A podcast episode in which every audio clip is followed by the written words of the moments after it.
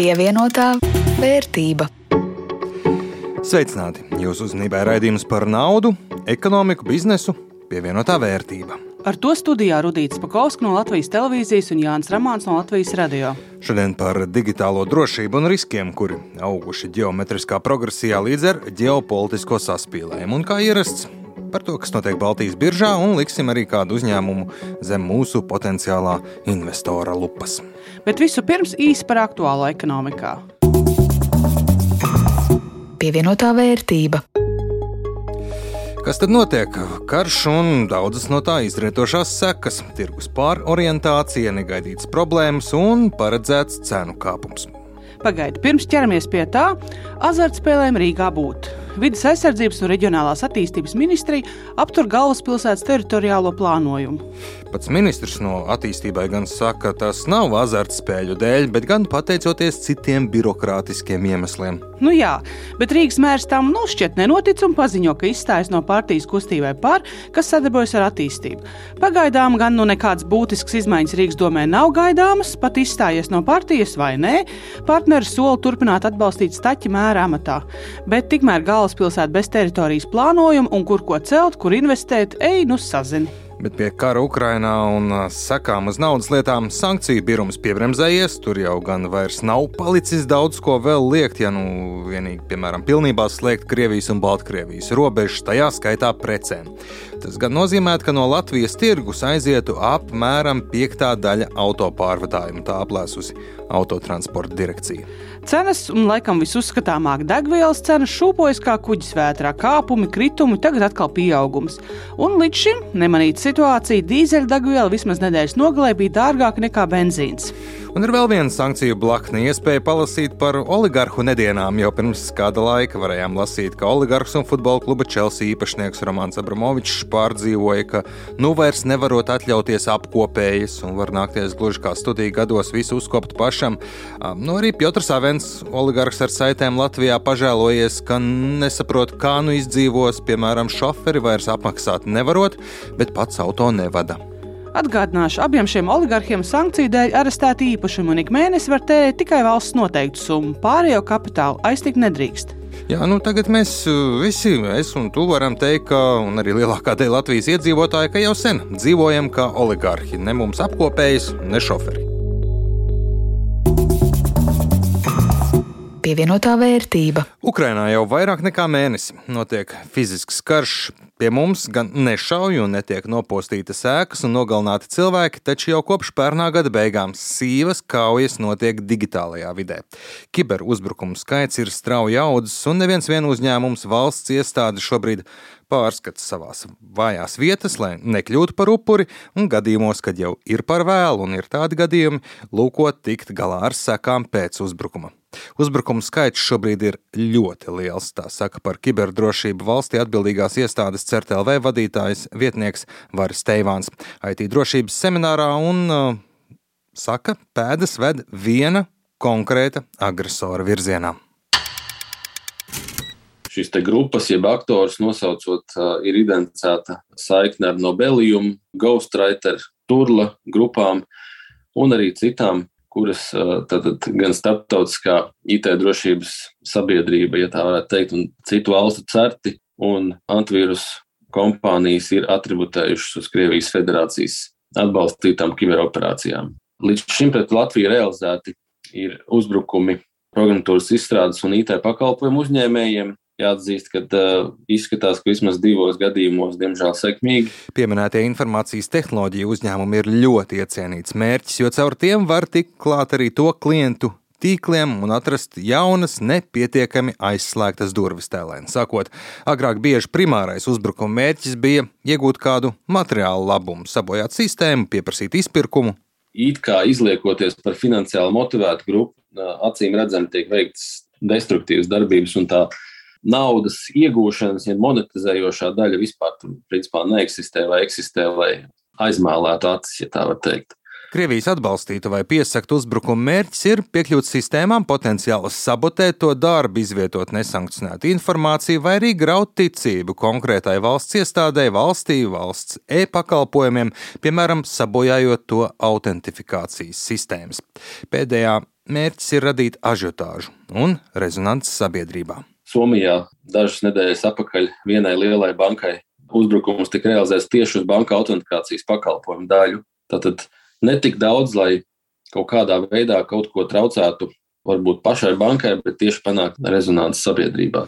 Arī Latvijā ir uzbrukts bankām. Uzbrucējiem gan nav izdevies to sistēmas kompromitēt, bet, ja jums uzņēmumā ir kāds IT drošības cilvēks, pieļauju, būsiet no tā dzirdējuši. Sūkstāmies par cilvēku dumjo, kurš parasti atvērs ne to failu un visu viņu sistēmu sabojājis.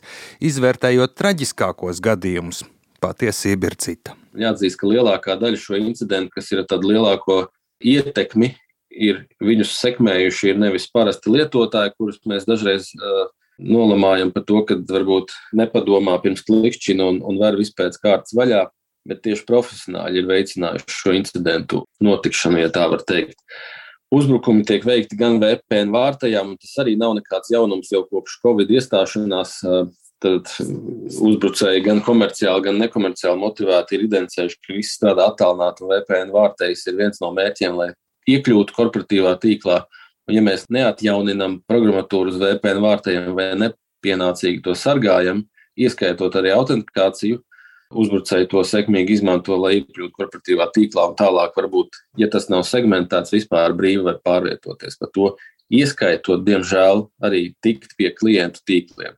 Man kā mēdz teikt no neoficiāliem, bet ļoti uzticamiem avotiem zināms, ka viena no Latvijas lielākajām bankām daļu savu darbinieku uz laiku ir pārcēlusi uz citu valsti savu mītnes zemi tuvāk galvenajiem serveriem, lai darbinieki tiem nepieslēgtos attālināti.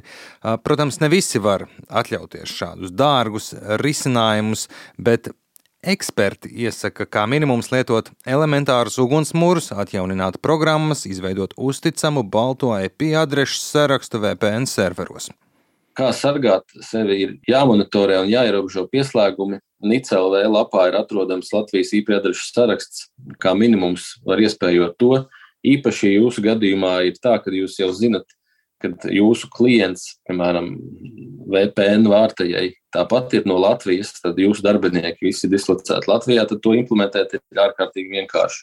Ja, teiksim, ir nu, tāda plašāk, plašāks šis filiāļu tīkls, kur darbinieki ir arī ārzemēs, tad arī to var pielāgot, bet varbūt tādā plašākā spektrā jādarbojas. Un pavisam labi būtu šo sarakstu minimizēt maksimāli, tuvojoties tikai tiem teiksim, tīkla apgabaliem vai internetu pakalpojumu sniedzēju tīkliem, no kuriem jūs zināt, ka strādā jūsu darbinieki.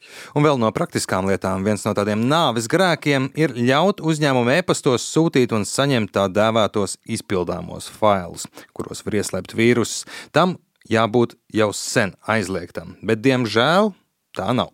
Vēl visai elementārs risinājums, ko iesaka eksperts, ir pāriet e-pastos uz vienkāršā teksta režīmu, jeb atslēgt HTML iespējas, jo tad visas ieslēgtās krāpnieciskās saites tekstā uzreiz redzamas. Šīs lietas es ceru, ka visi atpazīst un, un sen ir izslēgts un, un padarīts neiespējams jebkurā publiskā sektora iestādē. Bet, ja tomēr nav, tad tam ir jābūt nekavējoties izdarītam. Šo HTML funkcionalitātes parsēšanu, manuprāt, vajadzētu atslēgt un pilnībā liekt valsts iestādēs un strādāt, nu, ja ne visu laiku, tad vismaz šobrīd saspīlējuma laikā strādāt tikai ar plaintext e-pastiem. Un ko tas dod? Attiecīgi, mēs redzam HTML iespēju e-pastu, kur uh, uzbrucējs mēģina izlikties par citadeles bankas pārstāvi. It kā pat uh, nu, parastam lietotājam šī saite pat izskatās absolūti leģitīma, bet šeit atkal strādā tas zelta likums padomā pirms klikšķini, un mēs katrs jau mums ir jāstrādā arī ar saviem parastajiem lietotājiem, pamāciet viņus, kad pirms klikšķināt, var vienkārši uzbraukt ar peli tam linkam virsū un redzēt īsto saiti, uz kurien viņš tiks aizvests. Vēl ir vērts, protams, padomāt, ko darīt, ja tomēr kļūstat par uzbrukumu upuri, kā savu sistēmu pēc tam atjaunosiet. Un kiberdrošība savā ziņā strādā tas pats princips, kas uh, pārgājienā mežā sastopoties ar lāci. Nav jābūt pašam stiprākajam un ātrākajam no visas kompānijas. Vienkārši mazliet stiprākam un ātrākam par pašu vājāko, jo šobrīd uzbrucēji iet pēc vieglākajiem mērķiem pievienotā vērtība. Bet nu laiks pievērsties norisēm Baltijas biržā. Baltijas valstu Nasdaq biržas aizdītajā nedēļā kritums reģistrēts tikai Rīgā. Rīgas biržas indeks samazinājās par 0,2%. Viļņā un Tallinā kāpums attiecīgi par 1,65% un 0,81%. Tirgotākie vērtspapīra banku un enerģētikas sektorā visaktīvāk tirgots Lietuvas bankas, Šauļu bankas akcijas 1,8 miljonu vērtībā un akcijas cenai kāpums par pusotru procentu. Otro un trešo vietu ieņem Lietuvas un Igaunijas enerģētikas uzņēmumi. Ignitis grupas un Enefit Green akcijas tirgotas kopā par 3 miljoniem eiro. Lietuviešu milzim akcijas augšu par 2,4%, bet Igaunijas zaļajai enerģijai kāpums pusprocenta vērtībā. Rudīt, tavs ieguldījumu portfelis kā jūtas? Nu, manam portfelim neliels pieaugums, joprojām dažas pozīcijas mīnusā. Portfeļa vērtība šobrīd ir 390 eiro un 19 centi. Atgādinu, ieguldījām 300 eiro. Lielākais pluss Lietuvas lauksaimniecības uzņēmumam Līnas Agro grupa - gan arī 56% plusā. Lielākais mīnus šobrīd Hanza Matrix akcijām. Tās ir par 5,8% lētākas nekā tajā mirklī, kad tās nopirku. Un kā tev klājies? Manā ieguldījumā frontē var teikt bez pārmaiņām. Ne īsti augšup, ne lejup, kas ņemot vērā ģeopolitisko saspīlējumu un neziņu par tuvāko un tālāko nākotni, iespējams ir Labi, pasakot to skaitļos, portfeļa vērtība šobrīd ir 464 eiro, ja par 44% vairāk nekā tika ieguldīts sākotnēji pirms aptuveni pusotra gada. Bet tagad laiks paskatīties uz Igaunijā bāzētu dzērienu ražošanas uzņēmumu ar investoru acīm. Linda Nektāra ražo neiepakotus augļu vīnus, kurus pēc tam kā bāzi pārdod citiem uzņēmumiem alkoholisko dzērienu nozarē. Linda Nektāra ražotne atrodas Dienvidigaunijā, līdz ar to loģistikas ziņā ir labvēlīgā stāvoklī, nu vismaz salīdzinājumā ar Baltiju Baltijas un Ziemeļ-Eiropas tirgiem. Kā uzņēmumam veicas biržā un vai pandēmijas gadi Linda nektaru nesuši izaugsmu vai lejupslīdi, to skaidro Linda Zalāna. Linda Nektar ir diezgan tāds eh, vecs uzņēmums. Viņš vēl no padomju laikiem darbojas šajā nozarē. Bet uh, arī ir pārstāvēts alternatīvajā tirgu. Akcijas tur atrodas, tur kotējas, bet jau kādu laiku. Ieguldījuma eksperts Invila pensiju fondu valdes priekšādātais Andrēs Martīnos uzsver, ka Linda Nektar nebūtu nav pēdējā laika biržas jaunpienācējs, jo tā akcijas biržā nopērkamas jau vairākus gadus. Linda Nektar ražo neiepakotus augļu vīnus. Ne priekš patērētājiem, bet priekš ražotājiem, alkoholisko dzērienu ražotājiem, kas izmanto viņu produkciju kā pamatu, lai ražotu vai alkohola dzērienus, tādus kā sīdri, dzirkstoši vīni, tur tā tādi tā saucami šampanieši. Un, principā, nu, varbūt mēs šo uzņēmumu nezinām un nepazinām, bet es domāju, ka visi, kas kaut vienu reizi ir garšojis uh, Latvijā sidru, principā pēc būtības ir uh, lietojis Linda Nektāra produkciju.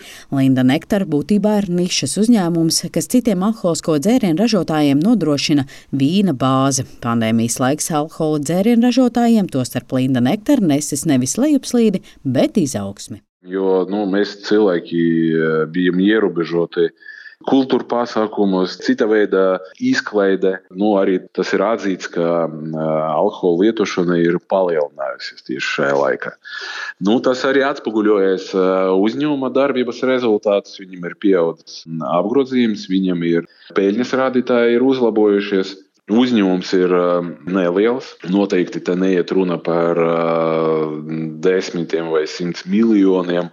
Tie cipari ir uh, dažos uh, miljonus mērami. Martīnos teica, ka Linda Nektar ir stabils bizness ar senu vairāk nekā 80 gadu vēsturi. Uzņēmums labprāt izmaksā dividendus, viņam ir ļoti laba dividendžu vēsture. Līdz ar to šo uzņēmumu var um, iegādāties, akcijas iegādāties un nu, saņemt eh, regulāri dividendus. Tas gan nebūs eh, ļoti dāsnas, ja mēs skatāmies pret akciju tirgus cenu, bet eh, tā pašā laikā kaut kādu ienesīgumu noteikti nodrošina. Akcijas nav lētas bieži. Es teiktu, ka nu, viņas ir diezgan dārgas. Bet uh, atkal, nu, Igaunija šobrīd, ja mēs paskatāmies uz Igauniju, pat Baltijas griezuma vislielākais, vislielākais novērtējums vai visaugstākās cenas ir Igaunijā. Līdz ar to, ja skatās uz šo ieguldījumu kā no dividendžu ienesīgumu, tad ienesīgums varētu būt dāsnāks. Bet, ja raugās no stabilitātes prizmas, tad tas ir stabils dividendžu maksātājs. Taču jāņem vērā, ka tas ir uzņēmums, kur visticamāk nebūs strauja pieauguma. Kaut gan tagad, ja mēs paskatāmies atkal uz Krieviju, uz Ukrainu, Baltkrievu, kas diezgan intensīvi bija iekšā alkohola ražošanas industrija iekšā, ja, un varbūt tas kā, dos kaut kādu papildus efektu, jo varbūt ražotāju pieprasījums pēc Linda nektāra produkcijas varētu pieaugt. Martīnos vērtē, ka Linda nektāra atrodas strateģiski labā vietā, Dienvidigaunijā. Līdz ar to tuvu ir gan Skandināvijas valstis, gan vairākas Eiropas zemes. Protams, arī jāņem vērā konkurence, kas alkohola ražošanas industrijā ir spēcīga. Abavas vīna darītavas saimnieks Mārtiņš Barkāns stāsta, ka šāds uzņēmums kā Linda Nektar ieņem savu nišu un tam ir vieta alkohola ražošanas industrijā. Gan Linda Rektors nepiedalās gala produktu ražošanā, viņš ir izējumateriāla ražotājs un līdzīgi kā daudz citu, teiksim, spēlētāju tirgū, kas kaut ko tādu piedāvā, jau gatavs recepts, jau izējumateriālu, ko var tālāk sajaukt. Ir Eiropā ļoti liela tāda dolāra grupa, vācu spēlētājs, kas praktiski arī bieži vien tiek izmantots arī Latvijā pārstāvētos brandos, produkti radies vācu laboratorijās polijas izējuma materiāliem un uzlikts latviešu nosaukums. Tas tā ļoti klasiski. Un es domāju, ka tur noteikti tirgus ņemot vērā to, ka arī akcijas noteikumi, akcijas nodokļu noteikumi dažādās valstīs atšķirās. Un, un dažos gadījumos ir izdevīgi mazalkoholiskiem dzērieniem izmantot augļu vīna bāzi, kas ir Linda Nektara ražotais produkts. Linda Zalāne, Latvijas radio. Pievienotā vērtība. Ar to arī galā raidījums pievienotā vērtība. To jums veidoja Jānis Ramāns no Latvijas radio un Rudīts Pakauska no Latvijas televīzijas labskaņa Kaspara Groskopa pārziņā. Uz tikšanos pēc nedēļas mūsu raidījums var atrast gan Latvijas radio arhīvā, gan arī noklausīties raidierakstu vietnēs.